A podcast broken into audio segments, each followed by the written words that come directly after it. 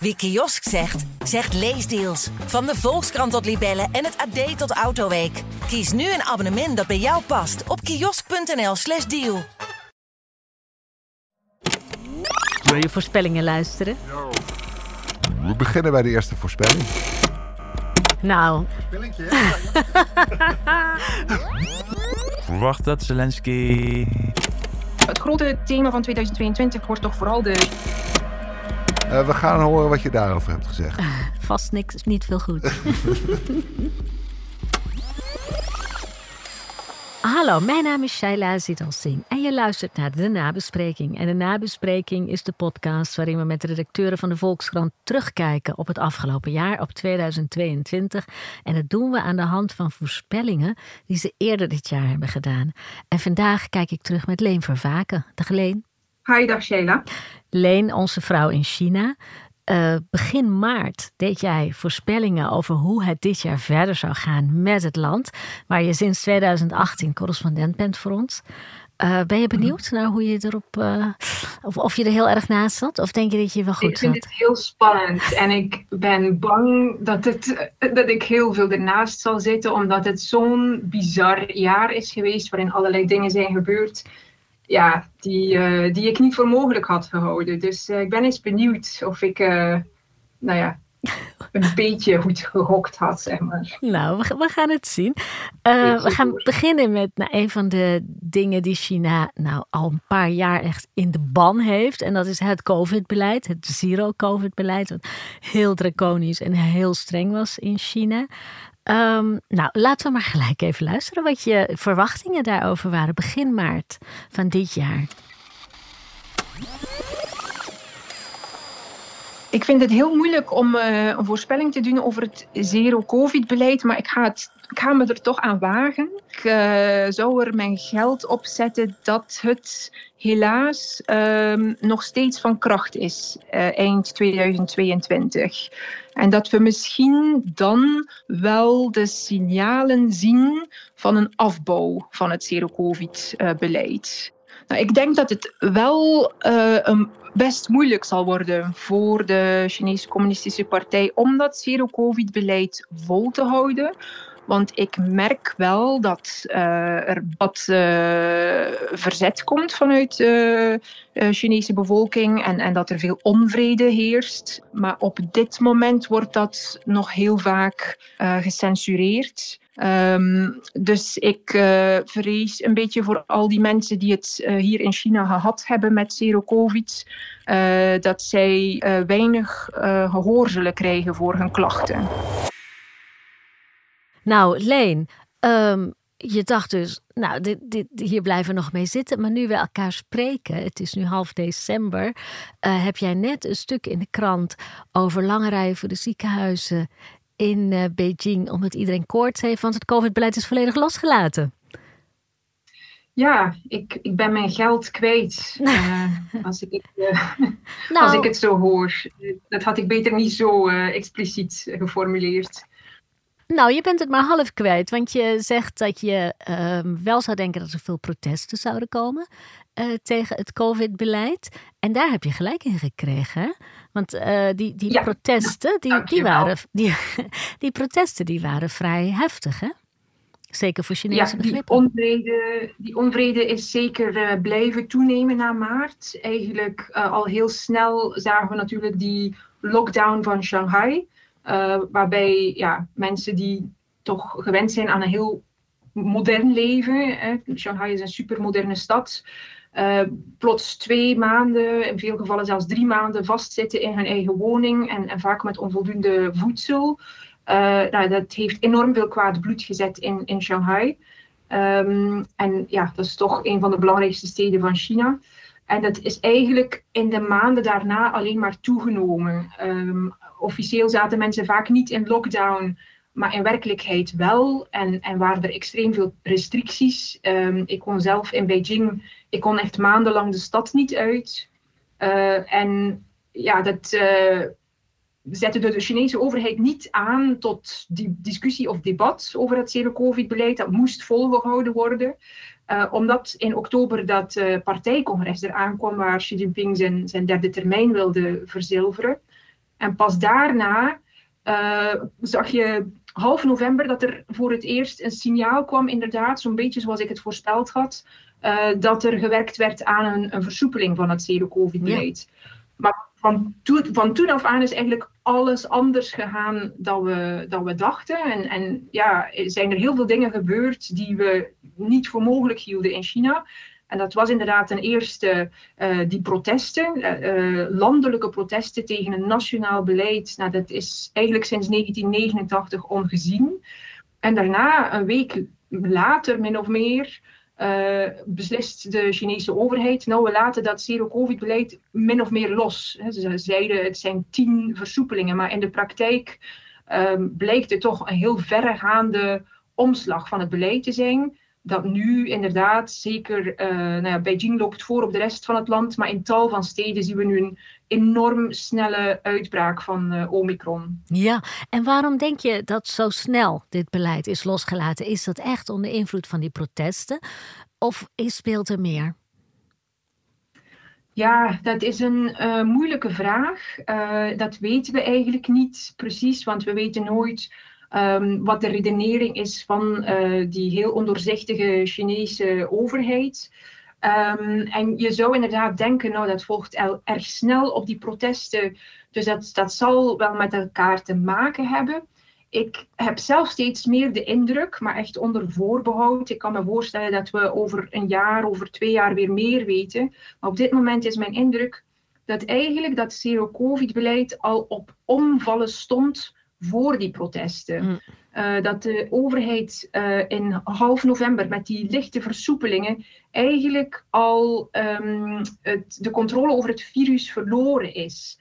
Uh, ze hebben toen heel snel nog geprobeerd die versoepelingen terug te draaien. er gaan um, naar verhalen dat dat inderdaad kwam doordat ze een snelle toename van de verspreiding van het virus zagen. maar ze hebben eigenlijk de geest niet meer in de fles gekregen, zeg maar. Dus onder de radar was waarschijnlijk het virus al heel snel aan het verspreiden, zodat dat zero-covid-beleid eigenlijk niet meer houdbaar was. Toen kwamen de protesten en het is dus mogelijk zo gegaan dat de Chinese overheid gedacht heeft, oh, laten we dat als, als aanleiding nemen en nu maar snel de stekker uit het zero-covid-beleid halen, voor het sowieso implodeert.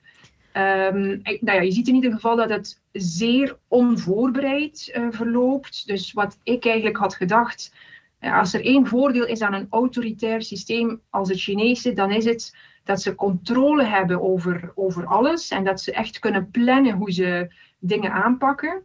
Dus ik dacht, ze gaan die exit uit het zero-covid-beleid ook heel zorgvuldig plannen, vaccinatiecampagnes uh, organiseren, de propaganda heel langzaam ombuigen. Maar dat is helemaal niet gebeurd. Ze hebben niks gepland. Ze hebben gewoon heel snel naar de stekker uit het zero-covid-beleid uh, getrokken. En van de ene dag op de andere dag die propaganda compleet veranderd. Gisteren was het Omicron-virus nog heel gevaarlijk en, en, werd je opgesloten als je besmet was. Nou, vandaag is het ongevaarlijk en, en uh, hoef je geen zorgen te maken. En geloven mensen uh, dat ook? Geloven mensen nu ook van ja, het klopt, het is ongevaarlijk? Of denken ze, ja, wat, wat, wat is dit nou weer voor raar? Ja, het is um, moeilijk in het algemeen daarover iets te zeggen, omdat er heel grote verschillen zijn binnen de Chinese bevolking. Uh, je hebt een, een, deel van de bevolking die erg hoog opgeleid is en die dankzij bepaalde technologie ook toegang heeft tot informatie van buiten China. Nou ja, die doorprikken die propaganda compleet. Um, uh, je hebt een veel groter deel van de bevolking die die toegang tot um, informatie van buitenaf niet heeft. Uh, die misschien veel meer vatbaar zijn voor de Chinese propaganda. Maar ja, die zien natuurlijk ook dat er iets niet klopt. Dat je kan niet uh, vandaag een tegenovergestelde werkelijkheid hebben als, als die van gisteren.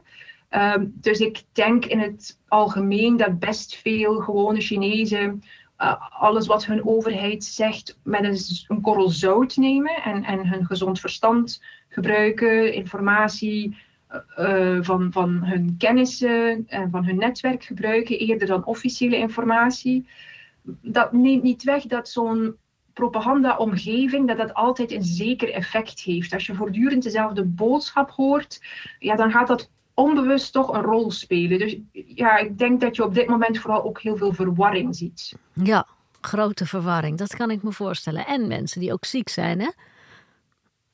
Ja, heel veel mensen die ziek zijn. Ehm, wat ik zeg, Beijing lijkt uh, samen met een aantal andere steden uh, vooraan in, in, in de linie te zitten. Um, en uh, nou ja, we hebben geen idee hoeveel besmettingen er zijn. De officiële getallen zijn op dit moment um, nou een, een, grap gewoon. Die zijn totaal niet betrouwbaar. Wordt amper nog getest. maar op basis van allerlei informele peilingen um, lijkt het erop dat misschien al meer dan de helft van de bevolking van Beijing besmet is. In, ehm, nou ja, het is negen dagen nu sinds um, de heropening zeg maar, van, van, van Beijing, of, of het laten vallen van dat zero-covid-beleid. nou ja, mogelijk was die verspreiding dus al gaande voor dat moment, maar toch in een extreem korte tijd zijn heel veel mensen besmet geraakt. Um, en experts berekenden, buitenlandse experts weliswaar, dat we nu misschien met een reproductiegetal van 16 uh, oh, zitten. En uh, dat is nou ja, het aantal mensen dat door één geïnfecteerde uh, besmet wordt. Ik denk dat in Nederland op het hoogtepunt dat getal 3 was, als ik ja. me niet vergis. Ja, en dat was heel hoog. Ja. ja. Precies. Nou ja, dus dan heb je een idee van hoe het hier gaat. Een bevolking die uh, eerder niet uh, besmet is geweest. En minder dan 1% van de Chinese bevolking is al een keer besmet geweest door COVID. Um, en een bevolking die ook beperkt gevaccineerd is met Chinese vaccins waarvan de werkzaamheid onbekend is. En vooral er zijn aanwijzingen dat die op eh, in, erg afneemt in de tijd. En de meeste mensen die gevaccineerd zijn, zijn dat minstens een jaar geleden.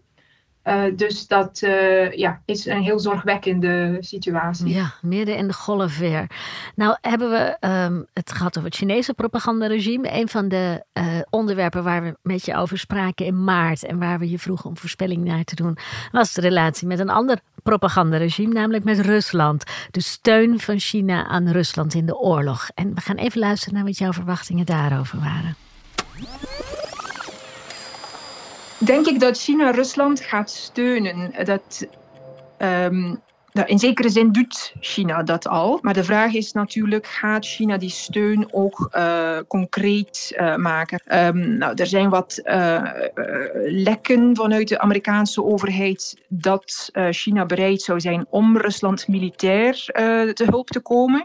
Dat lijkt nogal onwaarschijnlijk. Um, ja, China heeft weliswaar gezegd, wij zijn een, een, een partner van Rusland, maar hebben tegelijk aangegeven, ja, we hebben wel degelijk ook andere belangen. Uh, economische hulp is een ander verhaal. Op langere termijn uh, denk ik dat um, uh, nou ja, China wel zeker zal proberen te profiteren van de, de nieuwe situatie, waarbij nou ja, enerzijds Rusland minder energie kan exporteren naar het Westen, anderzijds westerse bedrijven veel minder zaken doen in Rusland. Dus dat, dat biedt zeker opportuniteiten voor China. Ja, China die mogelijkheden ziet in handel. Um, is dat uitgekomen, Leen? Of, of, weet jij hoe dat nu loopt met bijvoorbeeld energieleveringen tussen Rusland en China of andere handelstromen? Ja, dat is wel min of meer uitgekomen. De uh, export van vooral olie uh, vanuit Rusland naar China is heel sterk toegenomen. Uh, in de eerste acht maanden van dit jaar was het al met 30% toegenomen en het gaat eigenlijk enkel in stijgende lijn. Uh, het gebruik van uh, renminbi, de Chinese valuta, in die handel uh, is ook heel erg sterk toegenomen. En omgekeerd, export van Chinese elektronica naar Rusland is ook gestegen. Dus die handelsbanden zijn aangetrokken en worden de komende tijd nog verder aangetrokken. Er, er zijn heel veel plannen voor uh, Chinese investeringen in havens, in, in spoorlijnen. Um, en ook Gazprom zou uh, extra pijpleidingen aanleggen naar, uh, naar China. En hoe zijn die, of laat me het anders formuleren. En hoe is de, de houding in China tegenover die oorlog? Spreekt de regering zich daarover uit, de oorlog in Oekraïne? Of zeggen ze ja, dat is een eh, interne kwestie of een Europese kwestie, daar hebben wij geen mening over? Je ziet eigenlijk een beetje een verderzetting van, het, uh, nou ja, van de retoriek die al in februari en maart werd gebruikt. Uh, behalve dat het nu uh, veel minder prominent uh, in het nieuws is. Het is eigenlijk min of meer weggezakt en, en een ver van, van hun bedshow in China. maar ja, op het internationale toneel is er natuurlijk heel veel aandacht voor. Um, je zag dat president Xi Jinping recent een soort van diplomatiek charme-offensief begonnen is. Hij is, uh, heeft ontmoetingen gehad met uh, Joe Biden, uh, met Olaf Scholz van Duitsland, op de G20 ook met heel veel Europese leiders, onder andere met Mark Rutte. Hm. En hij probeert daar wel zijn beste gezicht te tonen. En achter de schermen zegt hij dan dat hij bijvoorbeeld het gebruik van en het dreigen met kernwapens veroordeelt. En dat wordt dan door die Europese leiders um, uh, aan, aan de media uh, verspreid als een goed teken. Um, maar omgekeerd, in Chinese verklaringen wordt dat nooit vermeld. Hmm. Uh, dus het blijft een soort van indirecte vermelding. en daar zie je ja, dat, dat China toch probeert eigenlijk van twee walletjes te eten. Dus enerzijds toch goede vrienden blijven met, met Europa. Uh, nou ja, in mindere mate met de VS, maar toch die economische relatie in ieder geval goed houden, zo goed mogelijk in, in deze um, spannende tijden, zeg maar. Uh, maar anderzijds heel duidelijk Rusland niet afvallen. En ze noemen die militaire operatie tussen aanhalingstekens ook nog steeds niet oorlog. Uh, weigeren ook in, in VN-resoluties Rusland te veroordelen.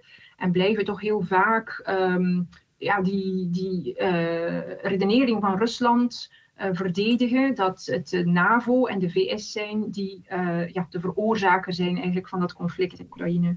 En nou waren er zorgen aan het begin van dat conflict, de Russische inval in Oekraïne, dat China zich ook gesterkt zou voelen om dan zijn claim op Taiwan bijvoorbeeld nog veel luider te doen gelden. Is daar nog iets van gebleken het afgelopen jaar? Ja, de spanningen rond uh, Taiwan die zijn natuurlijk uh, sterk opgelopen afgelopen augustus. Uh, naar aanleiding van het bezoek van de Amerikaanse politica Nancy Pelosi. Ja.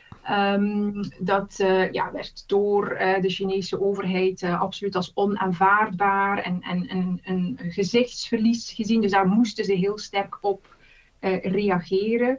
Um, zijn toen um, grote militaire oefeningen uh, gevoerd. Um, tegelijk heel belangrijk is dat sindsdien uh, dat bezoek tussen Biden en Xi Jinping heeft plaatsgevonden. Um, Taiwan is, een, is een, speerpunt in die uh, ja, gespannen relatie tussen de VS en China. die toch aan een steeds hoger tempo de dieperik in, in, in leek te gaan. En in ieder geval hebben Biden en, en Xi Jinping daar met elkaar afgesproken, laten we een, een bodem eronder leggen en niet verder de dieperik ingaan. En ze hebben ook uitgesproken dat zij nou ja, absoluut niet um, een oorlog willen uh, over Taiwan.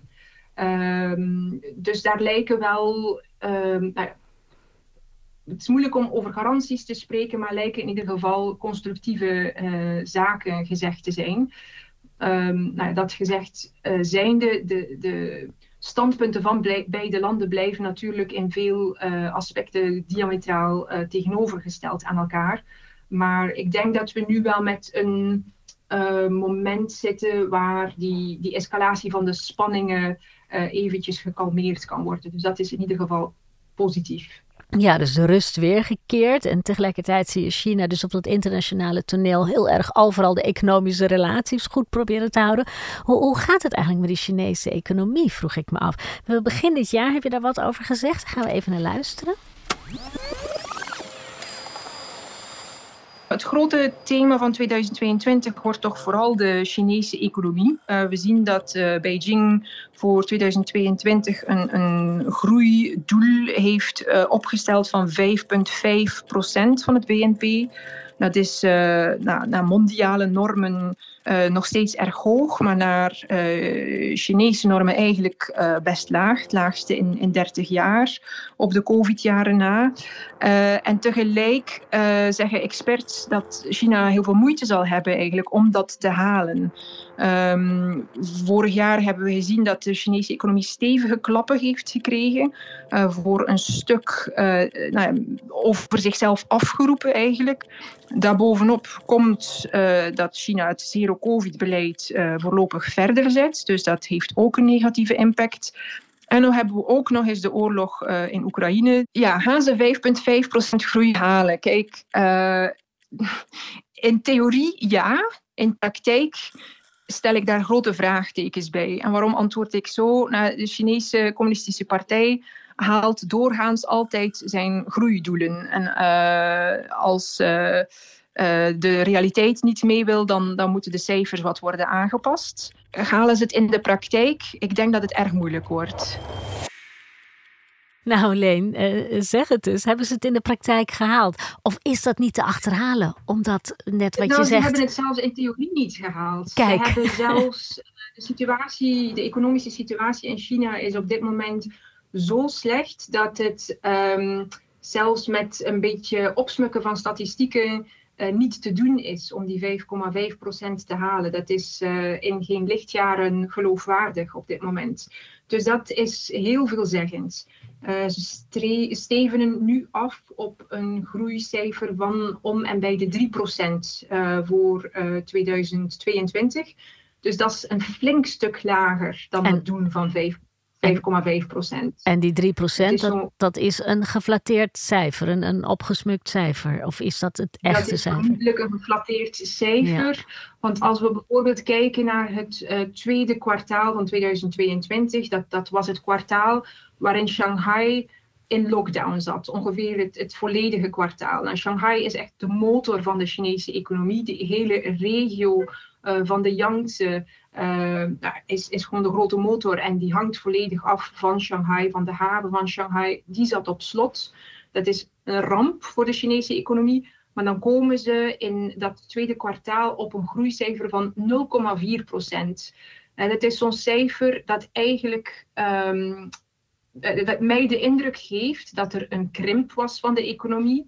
Maar dat dat, uh, nou, dat is uh, gênant als je een krimp moet toegeven. Dus dan trek je het net op tot boven de 0%. Uh, eh, dat is een beetje hoe dat cijfer aanvoelt. Um, ik kan, dat is moeilijk te bewijzen, uiteraard. Um, maar uh, het is duidelijk als je door het land reist, met mensen praat, ook voor het loslaten van zero covid uh, waren er heel veel economische moeilijkheden. Mensen klagen en dat gebeurt niet zo vaak in China, dat mensen heel openlijk uh, tegen een buitenlandse journalist klagen.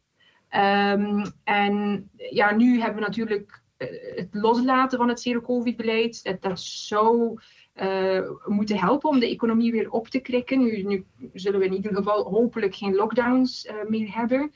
Maar nu zien we dat het tot zo'n grote uh, COVID-golf uh, komt, dat mensen eigenlijk vrijwillig weer uh, binnen blijven. Dat ze bang zijn om besmet te raken. En, en misschien wel terecht, hè, want als je besmet raakt en je hebt pech dat, het een ernstige, dat je ernstige symptomen krijgt, dan, dan kan je mogelijk niet rekenen op een betrouwbare gezondheidszorg, omdat die echt overspoeld wordt. dus ja, dat is natuurlijk ook niet uh, bevorderlijk voor de economie, om het uh, zachtjes uit te drukken. Nee, dus ze zijn, misschien raken ze nu van de regen in de drup met dat uh, loslaten, dat in één keer loslaten van dat coronabeleid. Nou, ik ben benieuwd. Ja, ik denk dat we heel moeilijke maanden nog tegemoet gaan. in zekere zin ja, is er nu wel een beetje licht aan het einde van de tunnel. En, en experts en, en, en denktanks zeggen ook wel dat 2023 een stuk beter zou moeten worden dan 2022. Dat we uiteindelijk, um, nu de situatie zich langzaam zal normaliseren, uh, ja, toch een, een, een herstel van de economie zouden moeten zien. Maar het is duidelijk dat, dat we nog heel pijnlijke maanden eerst uh, zullen door moeten voor we daar uh, uiteindelijk zijn. Nou noemde je zijn naam al um, eerder, um, Xi Jinping. die is herverkozen op wat misschien wel de grote gebeurtenis was van dit jaar, het grote partijcongres. Um, nou, je keek er al naar uit in maart. Dan zei je er dit over. Dat uh, Xi Jinping uh, zichzelf nu klaarstoomt om wel een derde termijn uh, te, te, te, gaan beginnen. Ja, dat is een, grote breuk eigenlijk met de, de partijtraditie van de afgelopen decennia. Dus daar zijn alle ogen op gericht. Dit partijcongres. Um, gaat dit inderdaad gebeuren zoals iedereen eigenlijk wel verwacht, namelijk zonder al te veel tegenstand? En uh, verder zijn ook alle ogen gericht op, het, op de niveaus onder Xi. Daar zitten nu nog heel veel uh, politici tussen die eigenlijk niet uit de factie van Xi komen. Heel veel van hen uh, hebben pensioenleeftijd bereikt. Dus het wordt heel spannend om te zien wie hen gaat vervangen. Ja, die derde termijn Xi, dat was probleemloos. Is die tot stand gekomen, Helene? Ja, uh, zo lijkt het in ieder geval van buitenaf. Wat zich achter de schermen afspeelt, dat weten we niet altijd. Maar het resultaat, dat is inderdaad 100% Xi in uh, die hoogste regionen van de uh, Chinese Communistische Partij. Um, hij heeft een politbureau en een permanent comité, dus die twee toplagen van de partij, echt volgestopt met zijn eigen vertrouwelingen. En um, die paar mensen die afkomstig waren van andere facties en die minder van hem afhankelijk zijn, die zijn uh, uit de, uh, ja, de hoogste regionen van de partij verwijderd. Uh, dat gaat dan bijvoorbeeld om aanhangers um, van Hu Jintao, de voormalige president. die vinden we niet meer terug in, in die toporganen.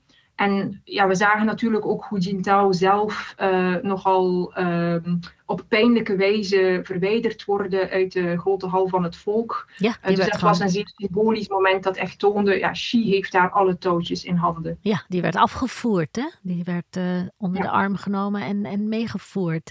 En, en dat Xi nu alle touwtjes in handen heeft intern in dat, in dat partijcongres. Je hebt dat kunnen volgen van dichtbij, je hebt dat congres gevolgd. Merk je dat nu ook in beleid? Is er bijvoorbeeld ook echt een wijziging gekomen in, in de manier waarop beleid wordt gevoerd? Of is het een voortzetting van zijn eerdere um, beleidsdoelen? ik denk dat we het enerzijds nog niet merken. En dat heeft natuurlijk ermee te maken dat ook voor die derde termijn de macht al heel erg geconcentreerd bij Xi zat. Dus het, het gaat om een verdere uitbreiding van een fenomeen of een trend die al lang was ingezet. En anderzijds gebeuren er op dit moment natuurlijk heel interessante zaken in China. Het gebeurt ook allemaal heel snel. Um, elke dag lijkt, lijkt er wel weer nieuwe verandering te komen. Dus het is moeilijk om, om al die veranderingen op dit moment goed te snappen en te kaderen. Uh, maar die, um, die veranderlijkheid en die, en die onvoorspelbaarheid uh, hebben volgens mij ook te maken met uh, Xi's enorme machtsconcentratie. Hij laat eigenlijk geen enkele ruimte voor tegenstemmen. En dat geeft hem enerzijds een enorme macht, maar het zorgt anderzijds ook voor heel veel onvrede. En, en uh, het is een risico. Uh, ik denk dat de protesten voor een stuk ook voortkomen uit het feit dat mensen voelen dat ze geen enkele ruimte meer hebben voor hun stem. En zich daardoor zo wanhopig voelen. Uh, dat ze ook het gevoel krijgen, ja, dan hebben we niks meer te verliezen. En dan durven we ook wel het risico te nemen om op straat te komen. Ook al is dat in China ja, heel gevaarlijk en kan het tot zware gevangenisstraffen leiden. Dus ik, heb, ik voel uh, aan dat die twee zaken niet los van elkaar staan. Um, en wat je natuurlijk eh, sowieso heeft, heeft, heeft Xi Jinping binnen die partij tegenstanders. Uh, dat, dat kan niet anders. Hij heeft heel veel um, politieke tegenstanders uh, nou ja, uit de weg geruimd door allerlei anticorruptiecampagnes. Dus dat, heeft ongetwijfeld bij hun aanhangers ook kwaad bloed gezet. Um, je komt nu in een periode dat, dat er heel veel um, onvrede is. Hè. Die protesten zijn heel snel de kop ingedrukt, maar die onvrede is zeker niet weg. Uh, we gaan ook in een periode uh, nu binnen met, met, met uh, heel veel zieken, met mogelijke grote gezondheidscrisis. dus het valt helemaal niet uit te sluiten dat die protesten op een of andere manier weer opflakkeren. Mensen hebben nu ook de indruk, ja, de straat opkomen, dat kan eigenlijk helpen. Um, en misschien dat politieke tegenstanders binnen de partij daar ook wel gebruik van proberen te maken. Ik zit even te speculeren, moet ik toegeven, maar ik, ik denk dat we uh, nou ja, de komende periode nog veel spannende dingen gaan zien. Ja, want die, die protesten, je zegt hè, mensen zijn toen de straat op gegaan en, en je proeft bereidheid om dat wellicht weer te doen. Wat, wat kunnen de gevolgen zijn als je gaat protesteren? Hoe, hoe zijn mensen aangepakt die op straat zijn gegaan? Um, het is een gediversifieerde aanpak. Um, en wat je ziet, dus de protesten waren ook heel gevarieerd. Het ging om uh, studenten op campussen, het ging om jongeren, uh, heel liberaal denkende jongeren uh, in grote steden. dat waren de mensen die de meest in China subversieve slogans riepen, die echt om het aftreden van Xi Jinping en de CCP riepen. Maar het ging ook om heel lokale protesten, soms puur tegen een lockdown van de eigen wijk. Um, en vaak hebben die laatste mensen uh, hun zin gekregen. Uh, die, die wijken werden heropend. Um, en bij de studenten en de jongeren heeft men um, nou, een groot deel van de deelnemers uh, geïntimideerd. men heeft die mensen geïdentificeerd op basis van gezichtsherkenning, telefoonsignalen, mogelijk ook die gezondheidscodes. En men heeft eh, de politie heeft vaak die mensen uh, opgebeld, eventueel naar het politiebureau laten komen en gewaarschuwd uh, ja, dat verder protesteren gevolgen zou hebben. En dat maakt erg indruk, omdat de meest prominente demonstranten, uh, degene die begonnen met het demonstreren of degene die de meest ja, vergaande slogans riepen, die zijn in veel gevallen tussen aanhalingstekens verdwenen. Uh, dus dat betekent dat ze allicht zijn opgepakt door de politie en nu ergens in detentie zitten, uh, maar dat ja, niemand eigenlijk weet wat er precies aan de hand is met hen. Uh, dat is meestal niet zo'n goed voorteken. Nee. dat kan betekenen dat ze heel hardhandig worden ondervraagd tot foltering aan toe. Uh, en uh, dat hen uh, op een gegeven moment dat wij te horen kunnen krijgen dat zij lange gevangenisstraffen hebben gekregen. dus die situatie samen maakt natuurlijk dat die gewone deelnemers ja, e-, enorm op hun tellen passen. En je zei, je maakte net de opmerking dat het nu heel veranderlijk is in China. Geen dag is hetzelfde. kun je voorbeelden noemen van waar die veranderlijkheid hem allemaal in zit? Ja, het uh, begon natuurlijk met die protesten, uh, waarvan eigenlijk niemand had verwacht uh, dat ze ja, konden plaatsvinden. Um, de Chinese politie leek dat aanvankelijk te laten plaatsvinden, redelijk vreedzaam, maar ging dan heel snel over tot um, repressie achter de schermen. Um, uh, dat was uh, eind november uh, de, de eerste grote verandering. En dan natuurlijk gevolgd door het plotse loslaten van dat zero-covid-beleid. Wat ja, uiteindelijk heeft men daar drie jaar een soort van prestigeproject van de CCP van gemaakt. En heeft men volgehouden dat het beschermen van mensenlevens, um, of het feit dat, is, dat de Chinese Communistische Partij de mensenlevens in China zo heeft beschermd dat dat de superioriteit van dat Chinese systeem uh, bewijst. Ja, om dan min of meer in één dag over te gaan naar een situatie waarbij je dat virus uh, laat verspreiden. Uh, het ongevaarlijk noemt, terwijl iedereen weet dat dat in een minder gevaccineerde bevolking helemaal niet het geval is en tot hoge sterfte kan leiden, dat is een complete omkering van de werkelijkheid we zagen in eerste instantie dat veel mensen dat toejuichten, gewone Chinezen. Maar eigenlijk na een week uh, dat mensen uh, zichzelf nu terugtrekken in een soort van vrijwillige lockdown. Dus op dit moment is Beijing leeg. De straten zijn leeg. Veel winkels zijn gesloten. Dus we zitten min of meer in een ja, situatie waarbij mensen nog meer opgesloten zijn dan voor het uh, opheffen van het zero-covid-beleid. Dus dat is echt een rollercoaster in, uh, in nou, drie weken. Ja, nou, Leen, je hebt, je hebt deze rollercoaster voor ons het afgelopen jaar gereden. Kijk jij met optimisme naar het volgende jaar? Hmm, dat is een moeilijke vraag. um, ik probeer optimistisch te zijn, maar uh, ja, wat ik de afgelopen het afgelopen jaar vooral heb gezien, uh, maakt het uh, moeilijk om optimistisch te zijn. Ik vrees vooral voor de komende maanden. Ik vrees dat het, de menselijke tol, het menselijk leed groot zal zijn. En dat, dat stemt mij ja, heel triest. Um, tegelijk ja, denk ik dat het goed is om, om te proberen te focussen soms op positieve elementen. Ook al is de algemene trend misschien negatief. Um, wat ik nu zie, ook in Beijing, is dat mensen elkaar wel enorm helpen. Uh, dat, uh, er is een, een, tekort aan medicijnen, maar er is veel solidariteit. Buren wisselen medicatie uit. Um, en er is veel creativiteit ook. op zich zijn gewone Chinezen gewend om met veranderingen om te gaan en, en oplossingen te vinden. ook al maakt de overheid het soms niet zo makkelijk. En, en dat stemt dan hoopvol. En ik hoop dat ze er ook in slagen om op die manier uh, de, de schade van, van het huidige beleid te, te beperken. Ja, dat is een enigszins hoopvolle noot waarop we kunnen eindigen. Dank je wel, Leen. Heel hartelijk dank. Graag gedaan. Dit was de nabespreking waarin we met de Volkskrant-redacteuren terugblikken op het jaar 2022. Morgen zijn we er weer, dan met Peter de Waard. Die heeft voorspellingen gedaan over de economische situatie in het afgelopen jaar. Wie kiosk zegt, zegt leesdeals. Van de Volkskrant tot Libellen en het AD tot Autoweek. Kies nu een abonnement dat bij jou past op kiosk.nl/slash deal.